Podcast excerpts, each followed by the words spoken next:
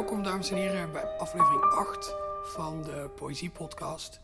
Voordat we beginnen wil ik eerst een, leuke mededeling doen. Namelijk dat uh, de Poëzie Podcast aanwezig is op de Nacht van de Poëzie, die op 16 september aanstaande in Utrecht plaatsvindt. Ik ga daar een vijftal dichters kort interviewen met publiek erbij. Dus daar kan u bij zijn. Koop wel snel een kaartje, want het verkoopt elk jaar uit. Mocht u nou naast een kaartje grijpen of helemaal geen zin hebben om naar Utrecht te gaan of liever niet het huis te verlaten, dan is het ook niet zo erg. Want alle afleveringen die komen online. Vanaf deze aflevering ga ik niet elke maand, maar elke twee weken een aflevering uitbrengen. Mocht u zich nou afvragen wat is de akoestiek raar, dat komt omdat we niet bij Splendor zitten vandaag, maar in de tolhuistuin. Niet in de tuin zelf, maar in dat paviljoen dat daar naast uh, ligt. Paradiso Noord wordt het geloof ik ook wel uh, genoemd. En met wie zit ik daar? Ik zit daar met de auteur van het aankomende Poëzieweekgeschenk. Uh, de gevierde Vlaamse dichter Peter Verhelst. Peter, welkom. Dank je. Laten we meteen beginnen met het gedicht van uh, Niels Moel Repstad dat jij meegenomen hebt. Ja, um, het boekje heet 19 vergiftigingen en ik lees het dertiende. Sommige gedichten zijn echt een kwartier lang, dus we nemen een kortere dertiende vergiftiging. De oude staat is de nieuwe staat, met witte tafelkleden op de tafels en pinautomaten bij de hoeren, eerste nachten in Oekraïne, dan de dagen op de Caribische eilanden, waar geld door kinderpartijen wordt gezeefd, zoals walvissen tonnen kril opslokken en water door de baleinen zeven. De wetten zijn Caribisch, ze produceren dunne lijnen in het zand en verdwijnen. Kun je een betrekking voor me regelen in Sint-Petersburg? vraagt Tsjechov. Daar praten ze over de uitroeiing van de bossen en duelleren ze om bastaardkinderen en getrouwde vrouwen. Het is warm en groen in de parken. Vanaf het Moskovski-station gaan de treinen zo, zo ver naar het noordoosten dat men zich het oproer en de afslachting herinnert, betonnen ruïnes en de houten paleizen aan de Zwarte Zee. De walvissen vullen hun longen met lucht die plasma wordt in de diepte. De lijnen van de adel zijn recht, maar de adel is politiek en heeft walvislongen. Zo diep in de systemen dat het juist wordt om te duelleren over de zuiverheid van de bastaardeconomie. De plasmatische rechtszaken en gifmoorden met nummers in het periodieke systeem. Ze zijn onmenselijk in de Oostelijke Republieken, in het fossiele en in alle noordelijke zeeën. Ze houden zoveel van hun vaders dat mijn hersenen verweken. En ik verkoop de methaangasreserves van mijn lichaam. En de duellen. Te steil op de trappen in Odessa. Te open op de vlaktes op de Balkan. Te warm in Sint-Petersburg, Saint-Tropez. Het is de gasprinses, plasma en paradijs. Het is protest, vlag en vorst. Dictators via patrijspoorten naar binnen. Heel ongrijpbaar gedicht, vind ik. Heel raadselachtige gedichten die... Oh, eigenlijk moet je het hem zelf horen voorlezen. Je weet niet wat je meemaakt. Echt waar. In dat rare Scandinavische taaltje. Je waant je in een of andere serie. Hij, leest het zo... Een beetje zo voor. Uh, meestal begeleid door even ijle muziek. Prachtig.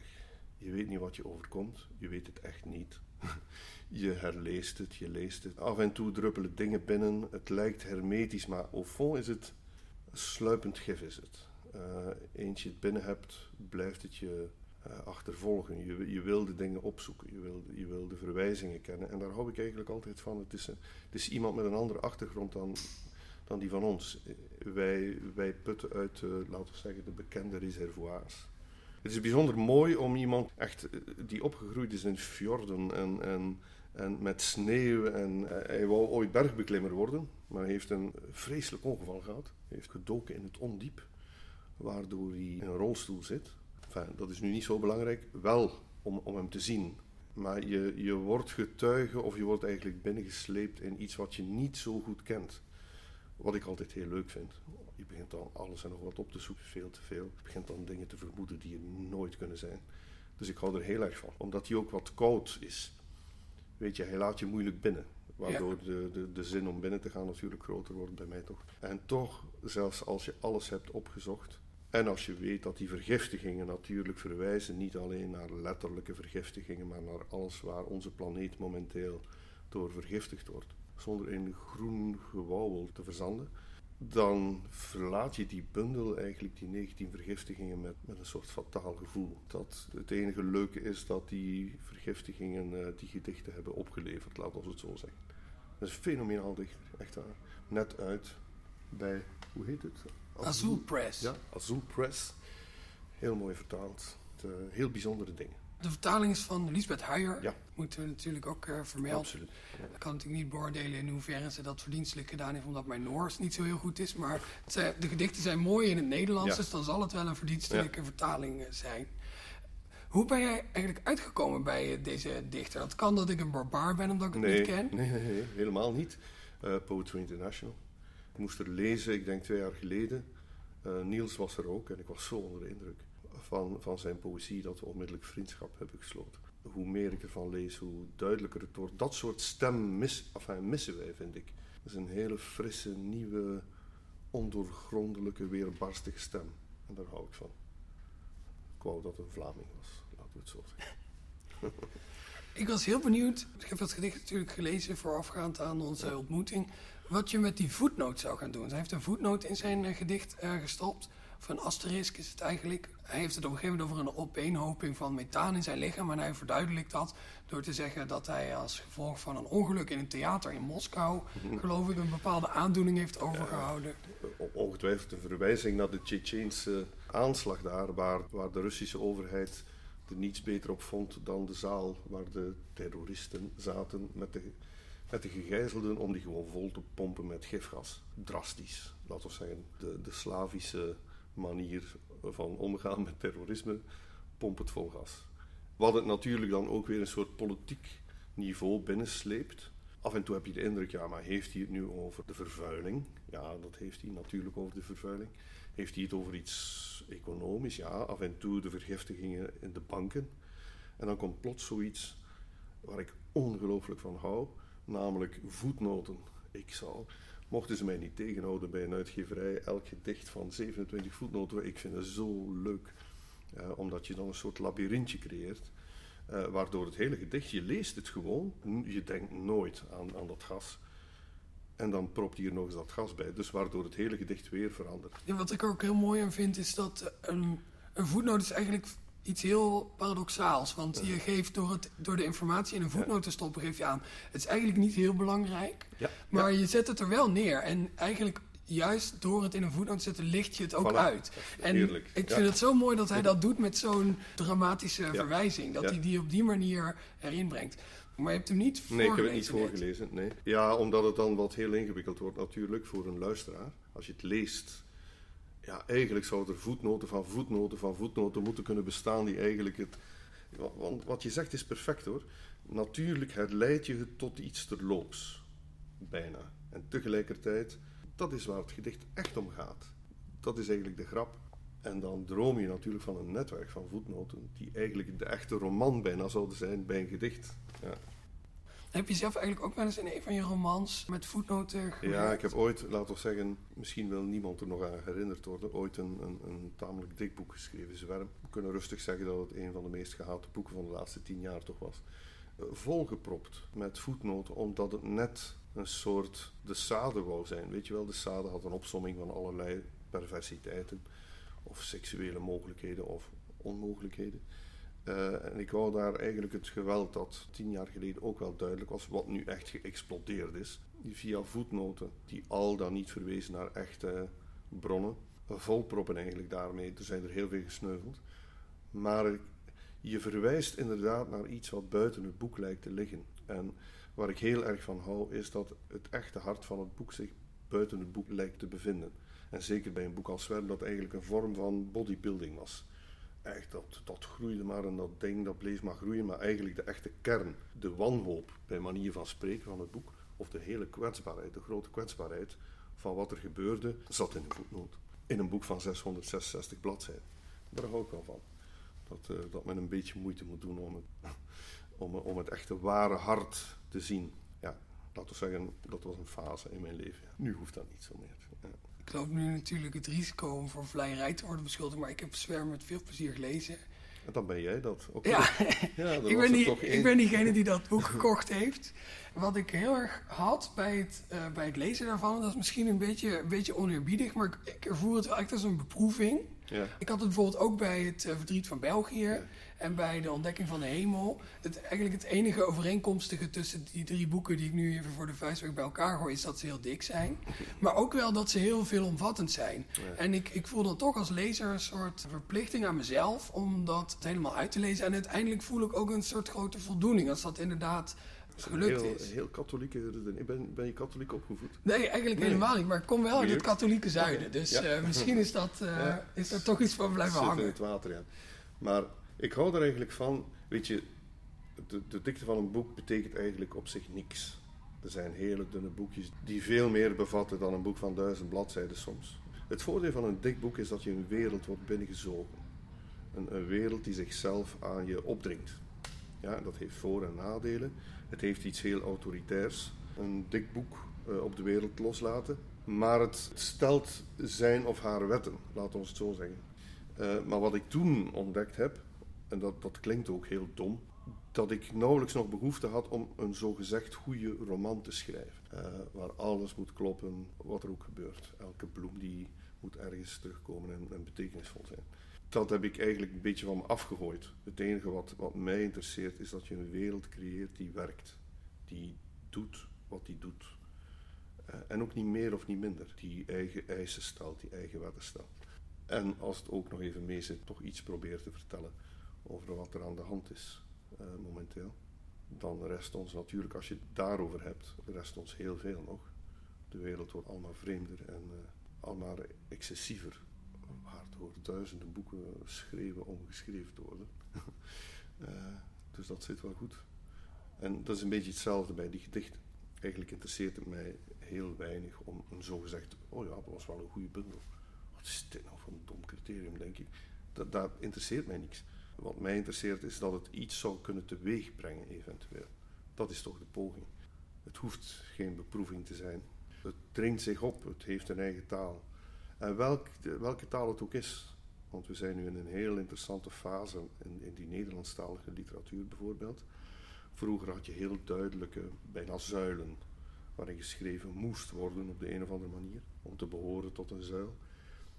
Nu is die, dat reservoir zo heterogeen en zo ja, veelkoppig, dat ik daar wel van hou dat elk boek, hoe banaal het soms ook lijkt, of hoe, hoe klein, maar dat het een eigen wereld is die zichzelf met bijbehorende wetten opdringt. Dat zie ik ook wel heel erg terug in dat werk van eh Moe Repstad. Dat hij, en eigenlijk wat mij ook heel erg opviel aan eh, jouw keuze voor dat gedicht is... Eigenlijk kreeg ik het idee dat Moe Repstad poëzie schrijft zoals jij romans eh, schrijft.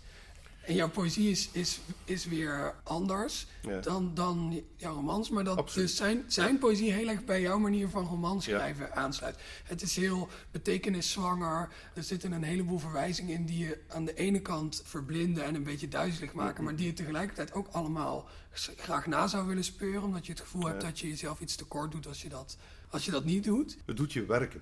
Weet je, ik hou heel erg. Ik heb alle bewondering voor de werkende lezer. Echt waar. En heel veel respect daarvoor. Zelf probeer ik het ook te doen. Ik- ben al jaren, zo niet 15 jaar bezig met Gravity's Rainbow. Echt een turf van een boek van Thomas Pynchon. Ik ben eindelijk aan bladzijde 100. Eh, het is nog 900 bladzijden te gaan, denk ik. Dicht bedrukt. Maar wat hou ik van die weelde? Van bijna een onuitputtelijk reservoir van flitsen. Die allemaal zouden kunnen verwijzen naar iets. Nu is dat, laten we zeggen, een heel typisch postmodern boek. Om dat kutwoord even te gebruiken. Daar zijn we er ook vanaf. Maar het blijft een onuitputtelijke schat. Niet omdat je dan als lezer een soort zelfvoldaan gevoel hebt van... Oh, dat heb ik maar eens mooi gedaan. Maar omdat het je in een bepaalde manier van denken bijna dwingt. Waardoor je misschien op een andere manier de werkelijkheid zoals jij die ervaart, misschien wordt die daardoor gekleurd. En ik hou daar eigenlijk wel van. Of het nu juist is of niet, want we zitten ook op dat gebied in een heel moeilijk stadium. Wat is waarheid, wat is werkelijkheid, et cetera. Maar het is wel heel mooi om te zien dat bijvoorbeeld die gedichten van Niels je een ander pad op de een of andere manier doen inslaan, waardoor je anders kijkt naar dingen. Wat ik nog altijd een van de grootste complimenten vind die men een schrijver kan maken. Zijn laatste boek, ik heb het alleen in het Noors, dus uh, ik versta er niks van. Prachtig uitgegeven, een soort zwart baksteentje. Met hele fijne gedichtjes, echt vierregelige dingen soms. 800 bladzijden lang. Ik kan niet wachten tot het eindelijk vertaald is omdat je weet, je weet al op voorhand, nu hij heeft mij erover gemaild, dus ik heb al een idee waarover het gaat. Maar je weet dat hij weer een soort eigen wereld heeft gebouwd. Die misschien je eigen blik toch 1 mm laat opschuiven. Eh, zou je het gedicht van uh, Moer Repstad nog een keer ja. voor willen lezen? De oude staat is de nieuwe staat. Met witte tafelkleden op de tafels en pinautomaten bij de hoeren. Eerste nachten in Oekraïne, dan de dagen op de Caribische eilanden waar geld door kinderpartijen wordt gezeefd, zoals walvissen tonnen kril opslokken en water door de baleinen zeven. De wetten zijn Caribisch. Ze produceren dunne lijnen in het zand en verdwijnen. Kun je een betrekking voor me regelen in Sint-Petersburg? vraagt Tsjechov. Daar praten ze over de uitroeiing van de bossen en duelleren ze om bastaardkinderen en getrouwde vrouwen. Het is warm en groen in de parken. Vanaf het Moskovski-station gaan de treinen zo ver naar het noordoosten dat men zich het oproer en de afslachting herinnert, betonnen ruïnes en de houten paleizen aan de Zwarte Zee. De walvissen vullen hun longen met lucht die plasma wordt in de diepte. De lijnen van de adel zijn recht, maar de adel is politiek en heeft walvislongen. Zo diep in de systemen dat het juist wordt om te duelleren over de zuiverheid van de bastaardeconomie. De plasmatische rechtszaken en gifmoorden met nummers in het periodieke systeem. Ze zijn onmenselijk in de Oostelijke Republieken, in het fossiele en in alle noordelijke zeeën. Ze houden zoveel van hun vaders dat mijn hersenen verweken en ik verkoop de methaangasreserves van mijn lichaam. En de duellen.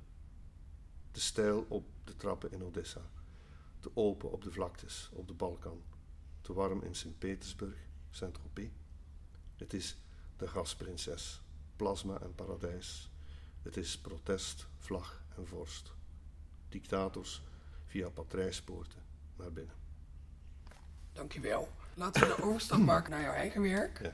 Je hebt een gedicht meegenomen. Je moet misschien niks over het gedicht zeggen. Gaan we, dan lees je het eerst voor, gaan we het er dan over hebben. Dat lijkt me beter. Nu de avond die ene avond toen het licht zo dun. Zo zou vanaf nu de avond zijn en dit het meer waar wij ooit. De houten ponton waar jij nu over het water uitkijkend naar een neerstrijkende vogel, altijd de laatste kraanvogel die een steen in het water. Het laatste zonlicht, een zilveren mes dun gevreven op de berg.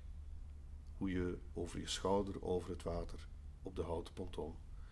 Het meer waar de kraanvogel aankomt zeilen, het opspattende water, de ponton waar je in het avondlicht over je schouder van mij wegkijkt, waar ik naar de kraanvogel wees, toen dachten we nog. Toen hoorden we water opspatten en tegelijk keken we, de ruk van je haren, je hoofd van me weg, alsof je uit je ene hand een glas liet vallen, de andere hand op mijn schouder, even nog aan het meer, toen het water als oud zilver. Toen je jurk op de houten ponton. Waarna we voor elkaar stonden en jij over je schouder bleef kijken, nauwelijks van de lucht te onderscheiden. Van het zwart, van het water weldra, stonden we voor elkaar, bijna tegen elkaar aan, nog even en we zouden. Nog even je hand op mijn schouder, de zon in de bergen uitgelopen. Hoe we op de rand van de ponton, het donker, helemaal van het zwart van het water. Tot ook het water en de bergen, tot je jezelf van me wegkeek, van de wereld weg, tot ook het denken aan het meer en het water en de bergen, tot wij niet langer, tot ook het denken aan ons niet langer. Traag over de ponton stroomt het water, de jurk, de ponton, een ponton van zout in het water. Volgens mij getuigt het niet van een heel uh, een diepgravend inzicht dat dit gedicht mij doet denken aan het gelijknamige gedicht van Remco Kampert. Nee, natuurlijk niet. Het heet ook Lamento. Ik was op tournee met Behoud Begeerte. Ik kende vaag het gedicht, wat eigenlijk vreemd is. Als je het gedicht gelezen hebt, zou je het wel heel scherp moeten weten. Het is een van de mooiste gedichten, denk ik, uit de Nederlandstalige literatuur. Maar ik hoorde het hem op een, op een avond voorlezen. In al zijn breekbaarheid, met die mooie stem van hem. Heel uh, traag. En ik was zo verdonderd dat ik uh, uh, hem zei: ik, ik, ik, ik, wil een antwoord schrijven erop. Want daar hou ik wel van, van het idee dat iemand iets maakt, of het nu een beeld is, of een sculptuur, of een, of een schilderij, of wat dan ook, in de hoop dat er een antwoord komt. Ja, niet alleen door gelezen te worden, maar ook iemand die een antwoord geeft. Zo gaat kunst verder, denk ik dan. Dus ik was zo blij toen ik die nacht naar huis reed, dat ik onmiddellijk het, het, gedicht heb geschreven om hem de volgende dag het gedicht te kunnen geven. Ik hou van die, van die, van die ongelooflijk melancholische toon die Kampert soms heeft. Vaak is hij heel relativerend, et cetera, maar soms heeft hij een ongelooflijk diepe melancholie. En vooral Melamento. En dat is echt mijn biotoop. De, diepe verdriet. Dus ik dacht, ik wil daar een antwoord op geven. In de hoop dat ooit iemand. Story of my life, weet je wel. Dat iemand een antwoord geeft. maar het deed me ook heel erg denken trouwens aan een ander gedicht van jou. En het gedicht was geloof ik opgedragen aan Leonard Nolens. Ja, maar dat is ook een, dat is ook een, een, reeks Weet je, ik ben altijd gevoelig geweest voor lamento's. Dat heeft echt te maken met, ik ben heel streng katholiek opgevoed toen de dieren nog spraken, echt lang geleden. En uh, ik herinner mij, er was ooit eens een, ik moest ook mee naar die, naar die mis.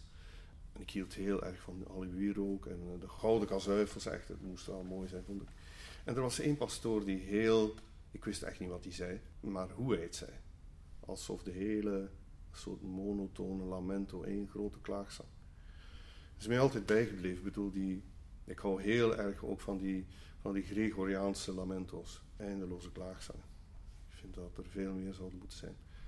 Dus op een bepaald moment verjaarde Leonard Nolens. En vond ik, ondanks het feit dat hij nog leeft natuurlijk, dat we best een lamento mochten maken voor uh, Leonard Nolens.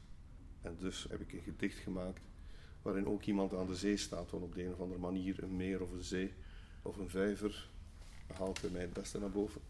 En daar heb je ook iemand die eigenlijk aan het water staat en half verdwijnt in het water, et cetera. Ik heb er al nog eentje voor Ivo Michiels geschreven, ook een van de meest onderschatte schrijvers. En ja, toen hij gestorven was, heb ik een, een lament ook van, voor hem geschreven, ook waarin eigenlijk de vogels in het water verdwijnen, zoals de ijsvogels. Altijd mooi. Maar in plaats van terug te keren met een vis in een bek, schreven ze met een snavel uh, op de onderkant van het wateroppervlak. Dus dat was er ook nog eentje. En dan een voor een van mijn beste vrienden, een beeldhouwer, uh, Johan Tahan, die in Nederland een, een, heel aantal beelden heeft staan. Grote, witte, gipsen dingen. Vond ik ook dat hij een lamento verdiende. Hoewel hij blaakt van gezondheid natuurlijk. En ceder tien lichtjes in paniek is. Maar goed. ik hou heel erg van het genre, lamento. Lang, monotoon, kleine verschuivingen. Een soort onuitspreekbaar verdriet dat naar boven komt. Terwijl het eigenlijk een soort ode is aan, aan het enige wat ons overeind houdt. De liefde vind poëzie natuurlijk ook wel het medium bij uitstek om mhm. te schrijven over, in dit geval dan iemand die er niet meer is, maar wel een, soort, een soort nabijheid heeft. Omdat je in poëzie natuurlijk ook altijd probeert om met een ontoereikend uh, gereedschap te raken aan iets waar je steeds net niet uh, bij kan komen. Ja, dat is, de, dat is een goede wat je zegt. Want ik blijf mij heel koppig verzetten tegen het idee dat dingen onuitspreekbaar zijn. Krijg je daar vierkant schurft van. Als dat, oh ja, maar dus wel niet beschrijven, dan denk ik, fuck je man. Alles is te beschrijven, sorry. Mocht je alle boeken samenleggen, gedichten en zelfs proza erbij, dan kom je heel dicht bij alle mogelijkheden die ons kwellen of doen leven, bij manier van spreken. Maar het is wel zo, het leuke aan een gedicht is inderdaad dat het een, in zichzelf draaiend kolkje is. Waarbij het telkens lijkt alsof je net niet de bodem hebt bereikt met het kolkje. Waardoor je telkens ook opnieuw moet en opnieuw moet en opnieuw moet. Dat, dat bijna vruchteloze. Maar ook koppige. Het onophoudelijke. Proberen, aftasten. Is fantastisch in poëzie. Het kan ook. Op dat kleine formaat kan het ook net niet. Dat net niet. En daar hou ik heel erg van. Dat je net niet aan die betekenis komt. Of dat je denkt van... Allee jong, bedoel, ik, ik ben er vlakbij. Het, is, het ligt onder mijn hand. Maar ik kan het niet aanraken. En dat heeft niets met religiositeit of wat dan ook te maken, ik ben daar vrij immuun voor. Maar het bijna fataal mislukkende. Misschien is dat de kern van wie we zijn. Met die leventjes van ons die altijd onherroepelijk verkeerd aflopen. Ja, zo zijn we ontworpen. Misschien benadert dat het dichtst het, het menselijke leven bijna. Een gedicht dat midden in een zin plots ophoudt. En verdomme, die twee woorden die er nog bij zouden staan, zouden net alles hebben uitgelegd. weet je wat? Waardoor je.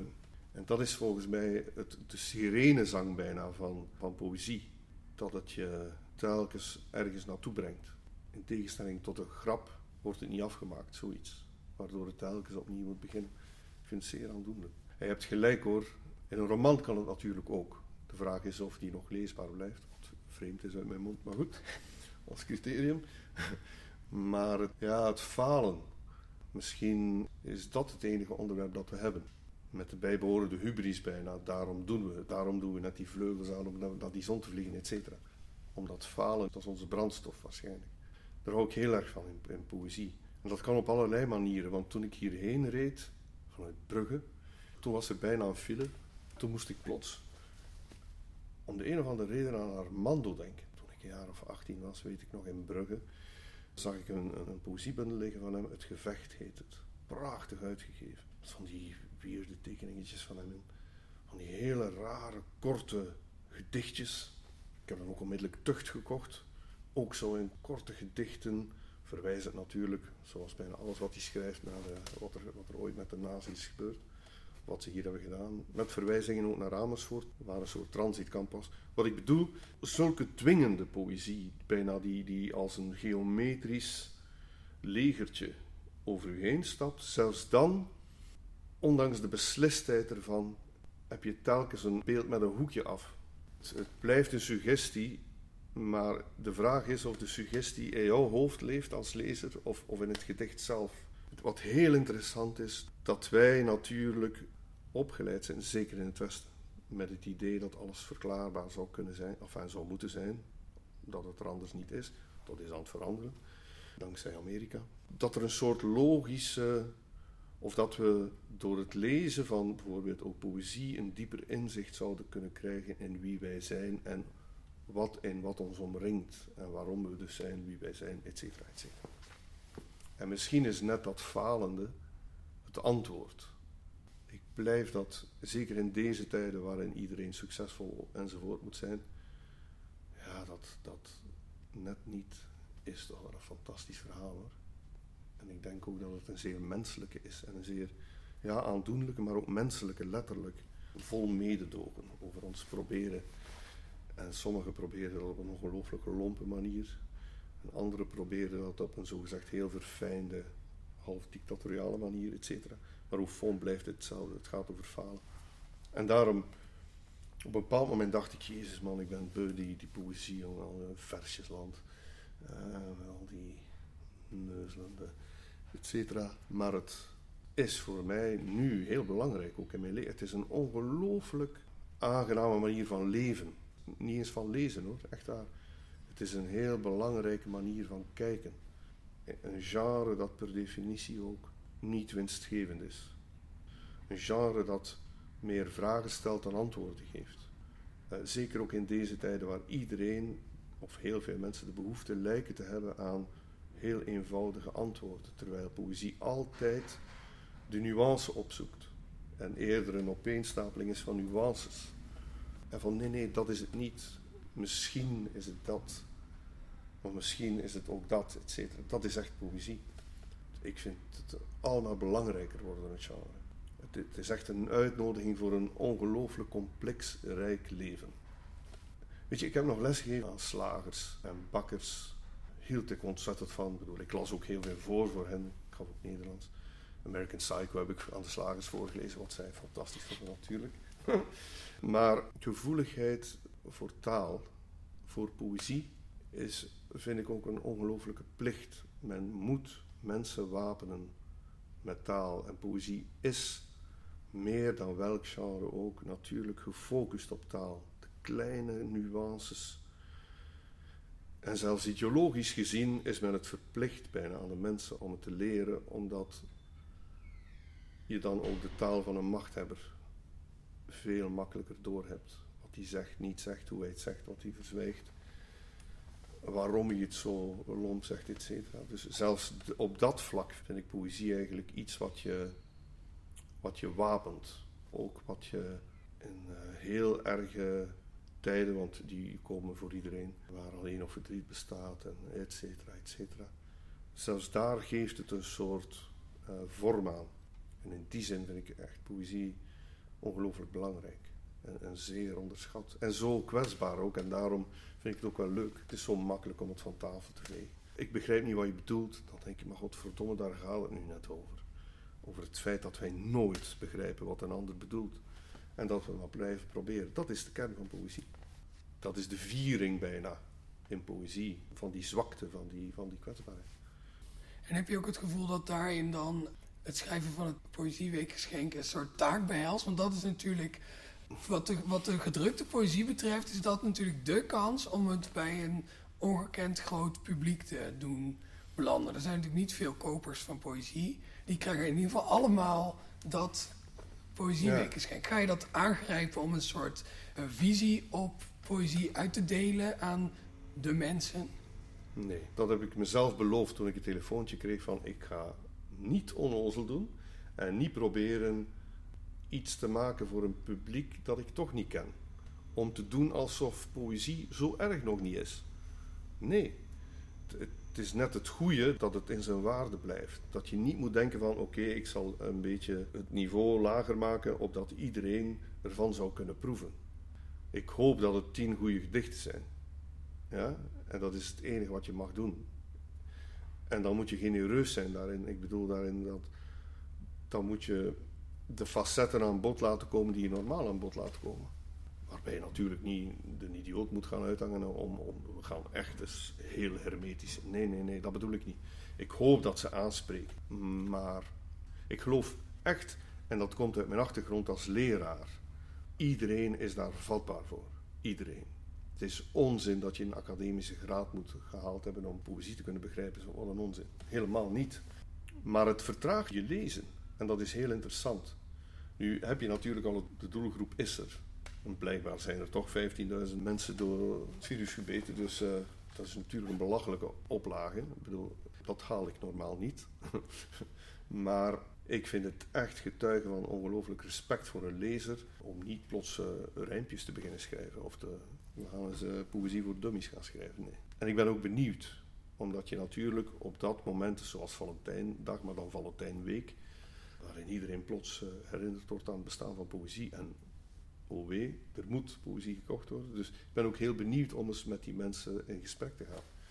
Want daarbij horen ook allerlei lezingen. Dus we zien wel wat het wordt. Maar het blijft interessant. En mijn ervaring leert mij ook dat als je leest, wat voor mij het leukst is, is wat erna komt. De gesprekken met mensen. En vroeger hebben we daar nogal lacherig over gedaan. Ook van, oh ja, dat, dat wordt opgedolven, uh, poëzie op het moment dat iemand sterft. En god ja, er wordt dan zo'n kaartje bij ons gegeven. Ja, er moet toch iets op staan. Dus uh, gaan we maar meestal met een paar fouten in het gedicht uh, opzetten of zoiets, een gedicht. Maar ik weet dat het mensen kan beroeren, maar niet alleen ontroeren en zo, want dat is maar een deeltje. Dat het kan leven in hoofden van mensen. Dus in die zin vond ik het leuk, ook al omdat het zo'n raar onderwerp was. Theater, bij God jong.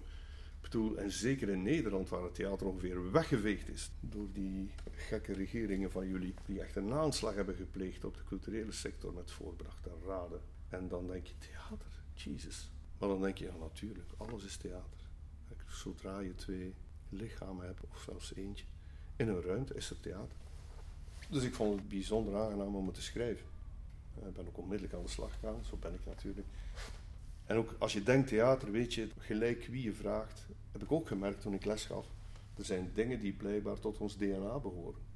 Zoals die Icarus-mythe. Zeker in Vlaanderen, bedoel, op de een of andere manier, veel mensen lijken dat te kennen. Ook mensen die nooit lezen. Ah ja, Icarus, die zot, die... Dat, uh, ja, ja, absoluut. En zoals Shakespeare bijvoorbeeld. Iedereen kent bijna die naam Shakespeare. Er zijn heel weinig mensen die er iets van gelezen hebben natuurlijk, maar dat is helemaal geen probleem. Dat is ons DNA, zoals de Griekse mythen en. Shakespeare op de een of andere manier. Buiten Europa is dat anders, hè, voor alle duidelijkheid. Wij denken dat Shakespeare de navel van de wereld is, maar dat is helemaal niet zo. In Afrika is hij iets minder populair. Bijvoorbeeld, daar hebben ze andere mensen die hun DNA hebben beschreven. Maar iemand als Shakespeare, je kunt er niet omheen. Dus ik heb natuurlijk voor Shakespeare twee gedichten geschreven. Of, laten we zeggen, die Hamlet is zo'n fantastische figuur. Er hoort een voetnoot bij, uiteraard. Yes! Ja, het is mij gelukt. Uh, tien gedichten, tien voetnoten. Om het even te kaderen, waarover echt bijvoorbeeld Hamlet gaat, heel kort samengevat. Zodat men het gedicht kan lezen op die manier ook. Maar dat is zo'n gelegenheid om nog even een ode te brengen aan Shakespeare bijvoorbeeld.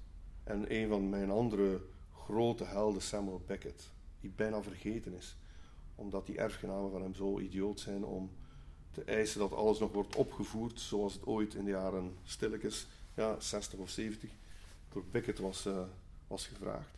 Waardoor het nauwelijks nog gespeeld wordt, terwijl die teksten zo. Er zijn nauwelijks teksten die zo de lulligheid, de worm in ons hebben beschreven. Op zo'n juiste, schijnbaar eenvoudige, transparante manier, die heel dicht bij ons kermen ligt bijna. Het is bijna uitgekermd, heel simpel, soms heel grappig. Dus ja, ik moest ook voor Beckett, uh, die wachten op Godot. Heel veel mensen kennen de titel. Ik wou daar ook iets over zeggen. En niet noodzakelijk over wat Beckett heeft gedaan, maar wat ons wachten op Godot nu kan zijn. Enzovoort. Dus er, zijn, er zit bijvoorbeeld een gedicht bij voor die prachtige vent in Kiev, Oekraïne. Oproerpolitie, ik bedoel, daar gaan ze iets steviger in dan onze oproerpolitie.